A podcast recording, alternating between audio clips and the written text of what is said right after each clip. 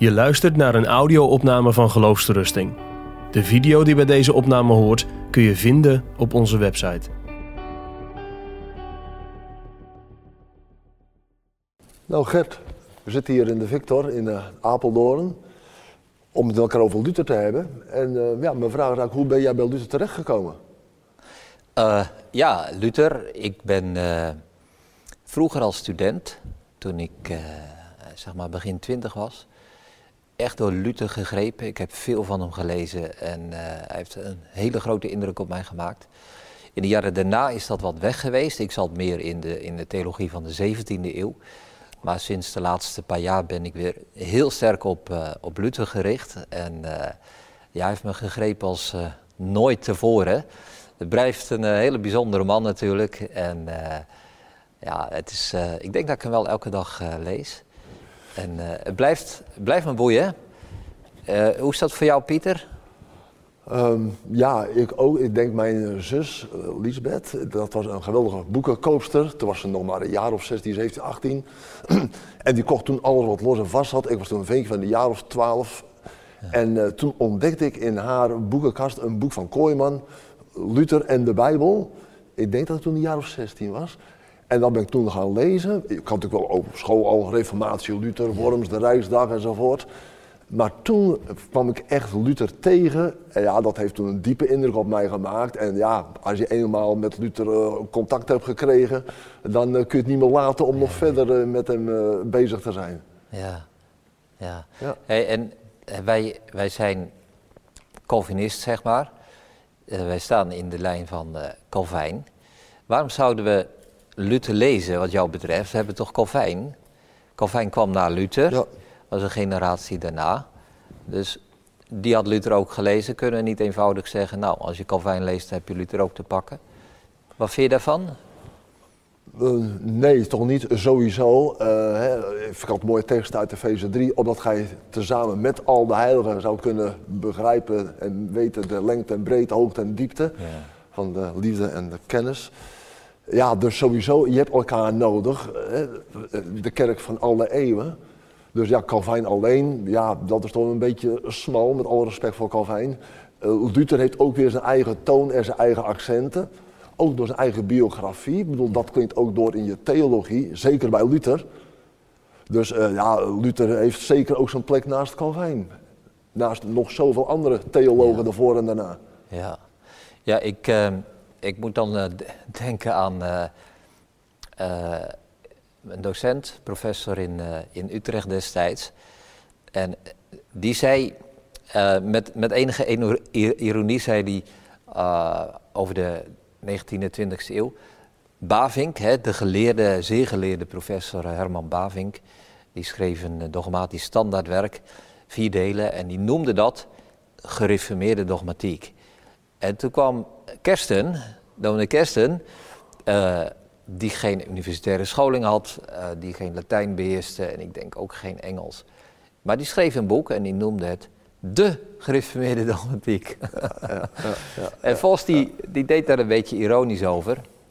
Hij wilde maar zeggen, je kunt nooit zeggen dat de dogmatiek of de Bijbelse leer eens en voor al is geformuleerd. En ik denk dat ook. Als je zegt, we lezen Luther en, of we lezen uh, Calvijn en we kunnen Luther wel dichtlaten, dan wordt het gevaarlijk. Ja. Hè? Of als je zegt, we lezen Kersten en we kunnen de rest wel dichtlaten. Zelfs voor Luther, hè? ook achter Luther, de middeleeuwen, de vroege kerk. Ja. Ik denk dat we het moeten blijven lezen en die openheid moeten houden. Maar Luther is daarin ja, een buitengewoon belangrijk iemand. En ook voor Calvijn. Hè. Ik denk dat Calvijn, als je Calvijn plaatst tussen Zwingli en Luther, dat, dat Calvijn het belangrijker vond om bij Luther aansluiting te ja. vinden dan bij Zwingli. Ja. Ja, Hè, en hoe dat naam is gegaan, dat is een ander verhaal. Maar uh, er was Calvijn veel aan uh, gelegen om uh, Luther recht te doen en bij Luther aan te sluiten. Ja, ja, Luther is ook echt een gigant. Als je ook denkt hoe hij toch wel een beetje al, hij, hij is de eerste geweest natuurlijk, zelfs gescherend. Toen de Calvijn in de box stond, 15-9, ja. 12 jaar verder, dan is het dat Luther op de rijdag van Worms. Het was Calvijn nog maar een schooljongen. Ja. Dus ik bedoel, eh, Calvijn kon al voortbouwen op het werk wat al door een aantal mensen voor hem was gedaan. Maar Luther was als het ware echt de ijsbreker. En hoe dat ook gewoon psychologisch ook alleen al enzovoort. Wat een druk hij heeft moeten dragen en doorstaan. Ja. Eh, het is erbij niet te geloven dat als het ware hè, de reformaties aan de ene kant niet helemaal uit de lucht komen vallen natuurlijk. Er zit al een hele aanloop natuurlijk. Maar toch, als jij op een gegeven moment toch dingen gaat verkondigen en moet zeggen, ja, duizend jaar lang is het ongeveer nooit zo gezegd. Ja. Ja, dat kan toch bijna niet waar zijn. Ja. Dat alle theologen, bisschoppen, kardinalen, professoren, iedereen heeft dat niet gezien en jij hebt dat dan ontdekt en jij zou dan gelijk hebben. Dat kan bijna niet waar zijn. Dat is voor hem natuurlijk ook een aanvechting geweest van ja, ben ik niet misschien juist een werktuig in de handen van de duivel om mensen juist te misleiden. Ja. En dat is voor hem een geweldige aanvechting geweest, ja, waar hij toch doorheen gekomen is. Ja. Maar daardoor denk ik van ja, wat een man is dat geweest. Ja, God heeft hem dat gegeven. Ja. Maar ja, de paus en de keizer, dat was gewoon de top van de wereld enzovoort. en ja. in je eentje moet jij je tegen eentje, ja. eigenlijk heel de wereld opnemen. Ja, ja, ja. Nou, het is een mooie passage dat hij eh, ingaat op het werk van Philippus Melanchthon, zijn directe collega. Vanaf eh, 1921 schreef eh, Melanchthon al zijn Loci Communes. Maar hij was heel jong, dus hij was ook echt wel een stuk jonger dan, eh, dan Luther. Maar op een gegeven moment heeft Luther een prachtige passage over eh, Melanchthon. En dan zegt hij, ja, ik ben de houthakker. Hè. Ik ben er voor het ruige werk, stobberooien. En na mij, zegt hij, dan komt Philippus. En die strooit met milde hand het zaad. En- Ja. Maar hij zag eigenlijk ook de rol van Philippus als belangrijker dan zijn eigen rol. Dus eh, hij, hij zag zichzelf inderdaad, wat jij zegt, de ijsbreker. Eh, dus die zin heeft hij nooit gedacht dat hij het in zijn eentje moest klaren. En had hij ook wel de mensen om zich heen nodig. En zag hij eigenlijk ook, had hij de hoop dat na hem, Ja. hè, nou ja, je weet wellicht hoe hij dacht over dat boek van Philippus. Melanchthon, ja, na de Bijbel geen Ja, mooier boek dan de Loci. ja. Dus dat vind ik ook mooi, dat hij eh, het besef had van wie hij was, zonder dat hij daarmee dacht van, oké, iedereen moet zich aan mij aanpassen. Hij, hij zag wel dat eh, belang van, van mensen om hem heen. Ja, ja, Ja. ja. Daarom denk ik ook van ja, je moet altijd breed blijven zeggen nou, van Calvijn en Luther. Ja, de Heilige Geest gaat ook steeds verder. Die zal in al Ja. de waarheid leiden. Maar anders te zijn moeten zeggen, dan is de Heilige Geest nu uitgeleerd in zijn onderwijs. Ja, Nee. dat kan ook niet waar zijn. Als er zo'n onuitputtelijke schatten van rijkdom, van kennis, Ja. ja. dan is er nog steeds meer te leren. Ook nu nog in de 21ste eeuw. Ja, Nog steeds is er in de schrift en in de theologie nog zoveel wat wij hebben te leren. ja, En dat maakt je ook weer bescheiden. Anders word je pedant van, nou wij weten het nu langzamerhand. ja. Ja, in grote lijnen gelukkig wel, ik denk dat we dat mogen zeggen. Maar nog steeds in de kleinere dingen zijn nog zoveel dingen te ontdekken en te leren. ja. Hey, als we naar Luther kijken, wat zijn voor jou de plussen en de minnen van Luther? Ehm,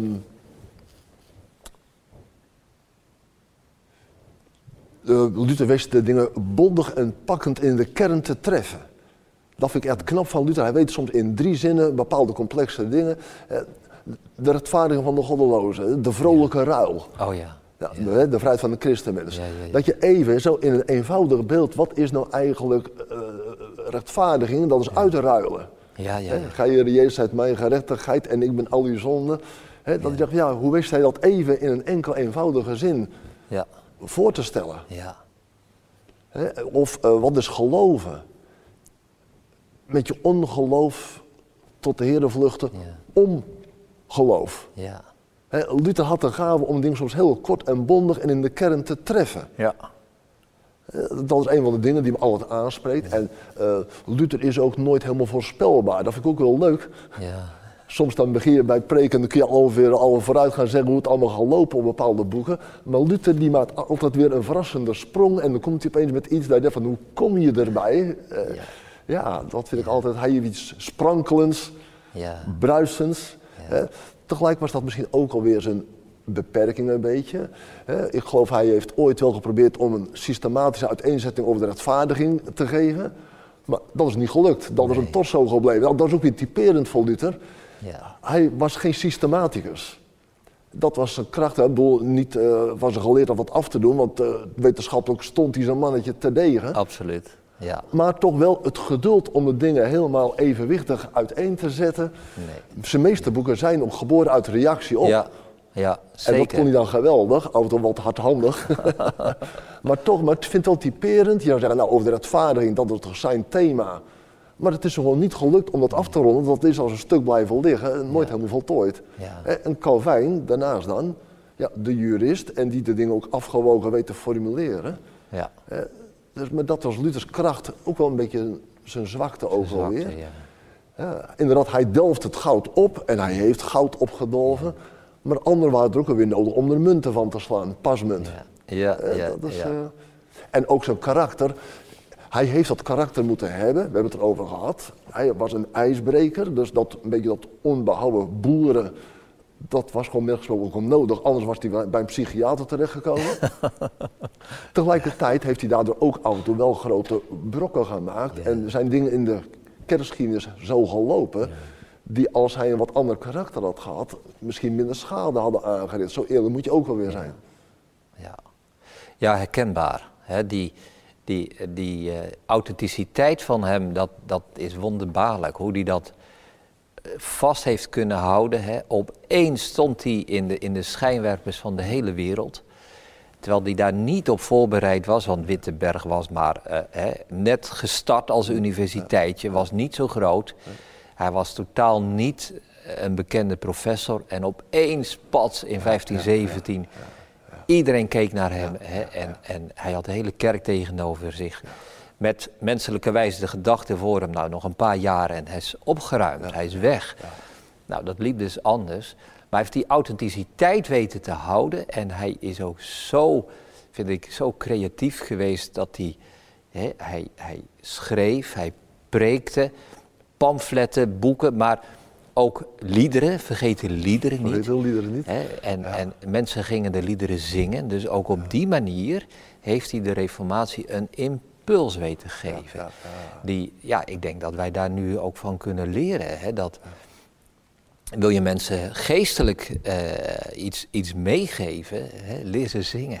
Ja. Leer ze een, een belangrijke, goede eh, liederen zingen. Dus Iemand uit zijn tijd die zei, de liederen van Luther zijn de bezuinigen geweest waardoor de muren van het Roomse Jericho Oh, ja. zijn gevallen. Meer nog door zijn liederen. ja, Want ja, de de diepere theologie was voor ja, inderdaad de, de volksmenigte wat minder eh, te bereiken misschien. Maar die liederen, ja, dat ging van eh, mond tot mond. Dus alle middelen die hij kon gebruiken, die zette hij in. En als het nodig was, de satire en de ironie. En Ja, op een manier die ze zelfs in zijn tijd soms over de schreef vonden gaan. Dus, Maar ja, dat is ook wel zijn, zijn zwakte geweest natuurlijk. Die, die, iemand als, ik denk dat iemand als Erasmus is erop afgeknapt. Ja. Hè, die kon daar niks mee, met dat boerse en met dat lompen en dat... Ja, die was veel meer de man van de elegante toon. En, eh, en er zit ook wel een minpunt in, eh, dat mensen die nu misschien die neiging hebben om anderen in naam van de waarheid is af te fakkelen met een beroep op Luther, ja, dat spreekt me dan minder aan. Dat is niet de bedoeling, dat geloof ik niet. Maar eh, ja, het is hè, en psychologisch en theologisch, het is een unieke man Ja, geweest. ja, ja. Het is echt zeldzaam hoe, hoe dat samenkomt in één, één persoon. En ook volstrekt authentiek en inderdaad zonder bijbedoelingen. Hij kwam echt zoals hij was. Ja, ja, En dat, ja, en als je dat leest, ook natuurlijk in zijn boek, ook, hij is heel nadrukkelijk aanwezig. En dat kan voor sommigen misschien irritant zijn. Ja, tegelijkertijd, ja, ik hou zo van hem. Je komt echt zo tegen zoals hij is, ook met zijn mankementen en zijn streken. Maar toch ook, hè, ik heb toen ooit die brieven van Luther vertaald. ja. En dat was vaak een beetje later in de nacht. Ik had mijn schoolwerk en ik gaf toen al les enzovoort. En dan een beetje als dan eh, halverwege de avond, dan ging ik nog een stuk vertalen dan. Hè. Oh ja. Maar ik moet echt zeggen, af en toe kwam hij mij zo nabij dat ik echt soms de tranen in mijn ogen had gewoon. Oh ja. In die brieven hoe hij zo zijn hart opent en zijn worstelingen voor God. En hoe hij me langzaam bijvoorbeeld vertroost en Ja, bemoedigt. en dat kwam voor mij soms zo dichtbij, ja, dat hij mij echt dierbaar werd. Ik Ja. moet echt zeggen, het is een paar keer gebeurd dat ik echt al vertaald de tranen in de ogen sprong, omdat ik gewoon zo van hem hield. Ja, dat hebben Calvijn nooit gehad. Niks ten kwade van Calvijn, maar dat was altijd toch meer de aristocraat. Ja. Die had ook een hart, maar Luther komt spontaan veel meer op je af. Nou ja, het is een beetje eh, wat dat betreft een soort Augustinus. Hè? Augustinus schreef zijn confessiones, zijn belijdenissen. Een document, een ego-document over zichzelf. Ze hebben wel gezegd, uh, de Confessiones was de eerste autobiografie ooit en meteen de beste. Ja, ja, en dat zie je ook iets bij Luther. Hè? In die tijd, hoe, hoe Luther in zijn ziel laat kijken, dat is uniek. En zeker ook als je verder komt in de 17e eeuw, hè, mensen als John Owen. Ja, je zult daar niets tegenkomen nee. van uh, verdriet, het verlies van zijn kinderen die overleden zijn. Uh, als theoloog schreef je daar niet over, maar Luther was mens, een theoloog, op een onontwarbare manier samen. Ja, die hem herkenbaarheid geeft, nu ook. Hè. Dus als theoloog kun je ervan genieten. Hij was niet een systematicus in de zin dat alles moest kloppen. Maar eh, onderhuids denk ik dat hij wel degelijk dwarsverbanden zag met groot theologisch inzicht. Dus als theoloog kun je ervan leren. Maar je kunt ook een preek van hem lezen of een lied van hem zingen. Hè? En dat je zegt, ja, het is niet moeilijk. Dit kan ik ook als gewoon uh, gemeentelid, als gewoon een gelovige allemaal begrijpen. Ja. Had ik iets heel onbevangers ook. Uh, je kunt ook heel veel tegenstrijdige uitspraken bij Luther vinden. Dus in dat opzicht, ja, van een bepaald thema in de theologie. Aan de ene kant kun je daar best een aantal dingen uh, op een rij zetten. Hè? Een bepaalde visie hoe hij daarover uh, dacht. Tegelijk moet Luther altijd voorzichtig zijn, want er lopen er altijd ook weer een aantal slagen doorheen. Ja. Dat er, er blijft altijd een bepaalde opening. Dat wil ik eigenlijk zeggen. Uh, het is bij hem nooit helemaal dichtgetimmerd. Nee. Er blijft, het blijft iets speels houden. Ja, maar zo is de Bijbel ten diepste ook. De Bijbel ja. is ook niet in een systeem te vangen. Hè? En later zie je wel eens, hè, de, uh, de, institutie zie je al iets meer uh, systematiek in. En dan is het ook goed, denk ik. We hebben dat als kerk ook wel nodig. Ja. Tegelijkertijd, zodra we dingen gaan systematiseren, ligt er wel een gevaar op de loer. En dat zie je natuurlijk ook in de gereformeerde gezinten, de schade die dat heeft aangericht. Door alles te willen systematiseren en formuleren. En dan blijft Luther altijd toch wel een bepaald. Uh, hij blijft altijd een paar ramen open houden. En dat ja. vind ik wel heel goed. Ja, nou als, het, als ik nadenk over het belang van Luther voor deze tijd. Hè, uh, het is niet alleen voor, voor kerkhistorici om nog eens een man van 500 jaar geleden te lezen.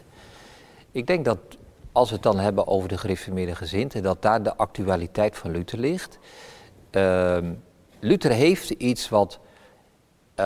Hè, wat je ronduit bevindelijk kunt noemen, die, die persoonlijke worstelingen, die geestelijke strijd waar die over spreekt en, en die voor heel veel mensen nu in de gereformeerde gezinten herkenbaar zal zijn of leerzaam zal zijn.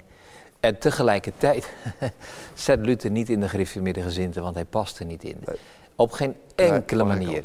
en die dubbelheid, die vind ik belangrijk.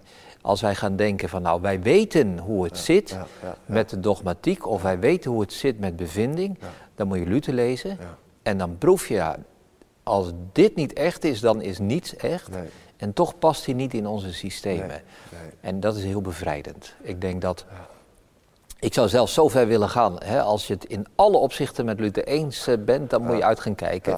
Ja. Ja. Want er zitten dingen in hem waarvan je zegt, ja, dit gaat echt niet. Hè. Nee. Denk aan zijn antisemitisme, wat berucht is. Uh, hè, zijn, zijn uitlatingen ook over mensen als uh, Zwingli. Ja, dat gaat veel te ver.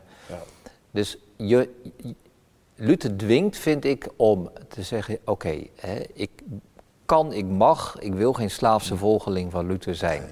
Alsof hij voor eens en altijd de waarheid heeft gesproken. Maar elke keer als hij wat zegt, dringt hij tot bezinning. En ja, en ja dat geeft die ruimte, hè, wat je zegt, de ramen ja. open. Ja.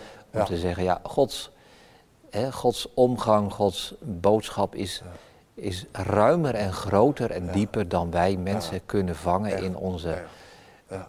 theologiseren. En we moeten theologiseren, dat deed Luther ook, met hart en ziel. Ja. Maar hè, er zitten altijd openingen die, uh, en die moeten we elkaar gunnen. En dat speelse ook, hij had ook zelfspot. hij kon ook vreselijk de draak met zichzelf steken af en toe. Ja. En ik vind dat ook wel heel belangrijk. Dat je zelf ook zeker ook in de theologenwereld, domineeswereld, als je niet meer af en toe hard om jezelf kan lachen, Oh, dan ja. moet je echt zorgen gaan maken. En Luther, hij voelde aan de kant zich geweldig verantwoordelijk. Tegelijkertijd kon hij ook geweldig te gek met zichzelf steken. Ja. Die zegt van ja, dan voelt me af naar mijn oren. En dan zitten die twee ezelsoren als het ware. Hè. En zo Ja, zelf- Hij kon dit hebben als andere mensen met hem de spot dreven. Ja. Dat is ook denk ik wel belangrijk. Als je zo belangrijk gaat vinden, denken dat jij het weet en de andere even zou moeten vertellen, dat, Ja. daar zit ook een risico in. Ja. Heel Luther blijft toch ook een beetje af en toe om zichzelf lachen en dat is ook wel belangrijk. Ja. Ja. Dat hij zegt van ja, op een gegeven moment, eh, hij het kan best zijn dat ik me misschien, eh, wie ben ik? Hij, maar ja, de Heer heeft ook gesproken door de ezel van Biliam, dus misschien ben ik dan een ezel, maar als God door deze ezel spreekt, dan is het toch waar. Nou, Ja. zo- Zo'n opmerking. Ja, oh ja. Dat was dan ja. typerend ja, eh, dat, Ja. je moet jezelf ook niet al te belangrijk gaan vinden. En dat Nee, is ook juist bevrijdend. Ja. Nou ja, ik, dat ik heeft... hoef niet steeds overeind Nee, te houden. ja. En ook vind ik ook wel het mooie van Luther. eh, Bij ons is ook het wel een beetje alles verburgerlijkt. Ja. Hij heet af en toe ook wel af en toe inderdaad met nog grove opmerkingen of zo, maar eh, het blijft wel authentiek. En bij ons is de burgerlijkheid en daardoor wordt het soms vormelijk. Ja, nou dat... Ook in de predikantenwereld, de theologenwereld. Ja. hè, dan wordt het soms ook wat gemaakt en wat erg netjes en braaf allemaal. Dat vind ik wel ook wel bevrijdend. Hij had er af en toe een lak aan en dat was ook wel weer... Oh ja, heel- nou zeker. Die, die burgerlijkheid, dat, dat kende hij niet. Hij, hij, hij was bruisend en hij was authentiek. En eh, er is een boek verschenen, Luther onze huisvriend. Daar zie je die burgerlijkheid in doorcijpelen. Ja. Dus je, dat is ook wel apart om te zien. In mijn, in mijn boek wijd ik daar een hoofdstuk aan. Dat telkens mensen geprobeerd hebben om Luther zo te eh, plooien dat hij past in hun eigen opvattingen. Ja, ja. En dat gaat niet. Nee. Hè? Luther was niet burgerlijk. En zijn eigen vrienden die waren soms ronduit bang voor hem. Ja. Het is bekend dat Calvijn een brief stuurde aan Luther, maar hij adresseerde hem aan Melanchthon. En zei Melanchthon, als, die dan, als Luther een keer in de goede luim is, dan moet je maar geven. Want... Ja, ja. En dat sommige brieven nooit zijn aangekomen, omdat Melanchthon het gewoon niet durfde. Want hij wist hoe driftig Luther kon zijn. Dus het was wat dat betreft ook een, eh, een man die, eh, ja, eh, soms voor zijn omgeving een heel moeilijk karakter had. En toch heeft God hem gebruikt. Ja, ja. Ook zijn biografie natuurlijk, ook zijn medische biografie speelt daar ook Oh, echt een rol zo. in. Want als je ook leest hoeveel kwalen, hij had een continu een open been, galstenen en ja, wat heeft hij eigenlijk niet gehad? Oorsuizen, hoofdpijn en van alles en nog wat. Ja, en als je dat dag in dag uit en je hebt een geweldige verantwoordelijkheid op je rust, eh, ik bedoel dat tegelijkertijd. Ja, eigenlijk is het dan verbazend dat hij zo oud geworden is. Hè, maar da- daardoor, ja, als je niet goed in je vel zit, ja, dan heb je ook de neiging om ook veel agressiever te gaan reageren naar je omgeving. Ja. Dat mag ik dan wel als een eh, verzachtende omstandigheid aanvoeren. Dan zeg je van ja, maar hij had toch soms af en toe de handen vol aan zijn lijf. Absoluut. En dat heeft hem niet altijd even vriendelijk gemaakt naar zijn omgeving toe. Maar hoe ben ik als ik knetterende hoofdpijn heb? Nou, ja, nee, dat, eh, hè, dan is het toch ook weer mooi om te zien hoe die eh, gedreven werd door zijn plichtsbesef. En ook, hè, wij zouden zeggen, al lang had hij met eh invaliditeitsimmuniteit gemoeten. Hij kan niks meer. Maar hij ging maar door. Ja. Hij heeft de laatste twintig jaar van zijn leven gemiddeld elke drie weken een boek geschreven. Nou Pieter, ik weet niet of jij dat redt, maar... eh, Nee, nee, nee, nee, nee, nee. Ook wel verschillende keren dat hij ook echt serieus. Hij zei een keer op een nieuwjaarsdag, dat was er in de jaren twintig. Eh, hij was zo teleurgesteld in de gemeente Wittenberg. Van ja, nu heb je toch zo het pure, heldere evangelie zoals het eeuwenlang niet is geweest. Hij had gehad, ja, nu moet heel de gemeente wel tot geloof komen. Ja. Maar het bleef nog een bij elkaar samengeraapt zootje een beetje, Wittenberg. Ja. Dat hij ook zei, bij nieuwjaarsdag, dit is de laatste preek en ik stop. En hij had de plan van, ik ga buiten de stad wonen en ze schieten maar op. Ik ben er klaar mee. Maar ja, uiteindelijk komt hij dan toch wel terug. Hè? Maar zulke momenten heeft hij echt gehad. Ja. Hij schijnt ook een keer zelfs een hele timmermanswinkel uitrusting aangeschaft te hebben. Van ik stop en ik ga een beetje schaven en timmeren. En, eh, hè, dat was ook Luther. Hij had soms ook wel een periode van moedeloosheid. ja, ja. Dat hij wel Ja. doorging, maar ja, toch ook dacht van Ja. eh, hoe moet het ooit verder? Ja, ja dat is. eh, die, je ziet die teleurstellingen groeien. in zijn jonge jaren, of laten we zeggen tot, 19, of tot 1520, verwachtte hij een spoedige wederkomst van Christus. En uh, gaandeweg merkte hij, uh, zeker in de visitatie van 1529, dat het er allemaal niet zo florissant aan toe ging in de gemeente. En dat de mensen de boodschap van genade alleen wel degelijk misbruikten. Dus hij besefte dat hij ook meer aandacht moest geven aan het christelijke leven. En hoe verder die kwam, hoe meer hij ja, uh, ervan doordrongen raakte dat de wederkomst mogelijk nog op zich zou laten wachten. En dan gaf hij de schuld van aan de Joden. Hè? Als de Joden nu maar tot geloof waren gekomen, dan kwam Christus terug. Dus die, hè, die teleurstelling heeft meer en meer zijn leven gekenmerkt. En uh, ja, ik denk dat dat ook komt omdat hij zo hartelijk aan de mensen verbonden was. Hè? Wat jij vertelt over zijn teleurstelling over die prediking. Ja, hij kon geweldig op zijn voeteren. Ja, ja, maar hij hield van de mensen. Hè? En elke keer toch weer preken en toch weer genade brengen. En ja, ik, ik vind hem daarin ook wel een voorbeeld voor, uh, voor pastors nu. In zijn toewijding, in zijn liefde voor zijn gemeente. En uiteindelijk toch weer zijn mildheid. Want hij kwam terug en aan deze zondige mensen hè, verkondigde je het even. Ook omdat hij dacht van ja, God houdt het met deze kerel vol. Ja. En als hij het met deze kerel volhoudt, nou, dan moet ik het makkelijk met deze mensen volhouden. Want wie ik ben tegenover God, dat is heel wat anders dan wat de mensen mij aandoen. Als God zo geduldig is met mij, dan moet ik ook maar weer geduld hebben met deze mensen. Oh, dat was ook iets van die persoonlijke ootmoed. Ja. En dat was toch ook wel weer waar. en, die, en die radicaliteit, dat hij in, in de vrijheid van een christen al zegt wij moeten voor onze naasten niet een christen zijn, maar een Christus. Zo'n volkomen toewijding en overgave, bereidheid om in liefde voor onze naasten alles te... Ja, dat is ook Luther, hè? Die radicaliteit, ja. Er is geen greintje burgerlijkheid bij, hoor. Nee, nee, nee. nee, daarin was hij heel uh, zwart-wit. En dat was dan ook iets, hij durfde dat ook dan ook hardop te zeggen. Ja. Ja. Wij zeggen soms, ja pas op voor de nuance, maar wij zijn soms weer zo genuanceerd dat het allemaal weer een beetje zoetsappig wordt. Nou, Hij heeft ja. dingen rauw en recht te zeggen, maar wel opdat de boodschap over zou komen. Ja, ja, ja. ja. Hey, als jij Luther één vraag zou mogen stellen, Pieter, welke vraag zou jij hem stellen?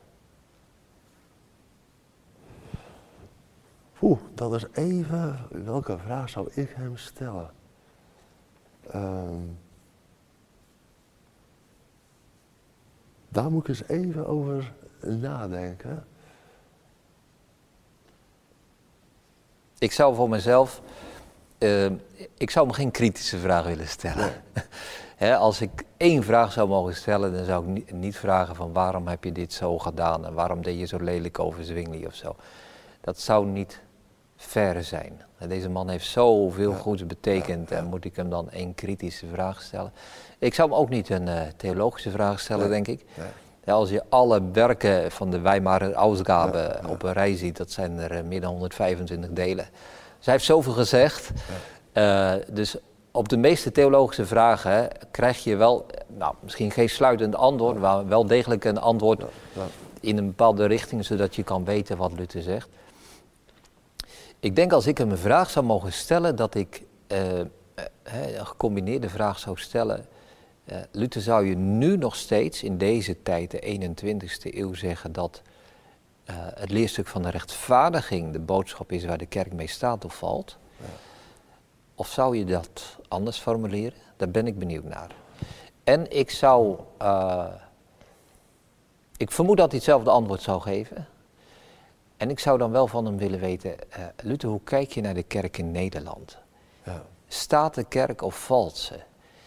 ik vind dat, uh, ja, dat is ook wel een vraag die mij bezighoudt. In de zin, kijk, Lutherse tijd was niet alles, wij hebben het er net over gehad. Mensen die, Luther zegt ergens, als ik ze uiteenzet wat de rechtvaardiging door het geloof inhoudt, dan vallen ze in slaap. Ja. Als ik een verhaaltje vertel, dan luisteren ze, maar met rechtvaardiging door het geloof, dan pitten ze. dus hij zat ook al te worstelen met die vraag, ja, kan ik ze duidelijk maken waar het om gaat. Maar hoe zou hij nu, in de volle breedte van de kerk, hoe zou hij daarnaar kijken? Um, ik denk ook, uh, kijk, Luther had ook geen concept. Hè. Toen hij begon inderdaad, hij zegt ook ergens heel beeldend van, ja, de Heer heeft me zoals hij een paard oogkleppen opdoet en het gewoon aan een touwtje meeneemt als het ware. En ja, zo heeft de Heer mij ook als een paard als dan met oogklep op. Hij wist helemaal niet wat hij zelf deed en aanrichtte als het ware. Dus ook in deze tijd, ja, of Luther echt ook een concept zou hebben liggen van nu in deze situatie. Ik denk niet dat hij een man van concepten was, maar ik denk wel dat hij, hij had zo'n onvoorwaardelijk vertrouwen in de kracht van het evangelie. Ja. ja, inderdaad, met Koolbrugge, werp het woord er maar in. Ik denk dat dat ongeveer een antwoord zou zijn wat Luther nu weer zou geven, denk ik. Hij had wel zo'n onvoorwaardelijk vertrouwen in de levendmakende kracht van het evangelie. Daar verwacht hij toen ten diepste ook van, niet van zijn eigen inspanningen. Nee. Hè? Tegelijk dat je net vraagt, wat zou je aan hem willen vragen? Ja, ik zat ook meer te zoeken in de persoonlijke sfeer. Van ja, iets uit zijn eigen beleving, zijn verhouding tegenover God. Maar tegelijkertijd denk ik van ja, maar daar heeft hij al zoveel over gezegd. Ook hoe hij persoonlijk tegenover God stond enzovoort met hoogte en diepte. Dus dat hoef je eigenlijk ook weer niet te vragen, want daar heeft hij al heel veel van verteld in dat opzicht. Hij heeft weinig geheimen. Nou, precies. Ja. Dat is ook weer het mooie. Ja, en al luisterend naar wat je zegt, uh, Pieter, denk ik. Hè, hoe zou Luther over onze tijd denken? Dat is misschien niet eens het belangrijkste, of hij de positief of negatief zou zijn. Maar hij wijst ons hoe dan ook de weg. Hè, uh, met wat hij noemde de viva vox, de levende stem. Dat is een grote ontdekking geweest. Dat God door mensen heen spreekt. En uh, dat doet hij in de biecht destijds, dat doet hij uh, zeker ook in de prediking. Dus de levende stem van God is aanwezig en daar mogen wij op vertrouwen. Dat was toen het geval, dat is nu nog zo. Dus ja, de mens Luther is goed en zijn oordeel over dingen, maar hij kon ernaast zitten. Maar deze, ik denk dat dit zijn ontdekking is geweest. Dat hij in de prediking uh, de levende, vrijsprekende stem van God heeft gehoord. En uh, dat God zich bedient, we zijn allebei predikant, maar dat God zich wil bedienen van onze stem. En met zijn stem de boodschap van genade en de belofte van vergeving geeft. Ja. En dat vraagt om geloof. En ja, ja hè, met dat we erover praten, worden we erdoor uh, bemoedigd dat we dat mogen doen. En dat hoe het toen was of het nu is, het is nooit een hopeloze zaak. Nee. Het is het werk van God en hij gaat door. Ja. Dat uh, kan ik alleen maar harte amen op zeggen. Amen.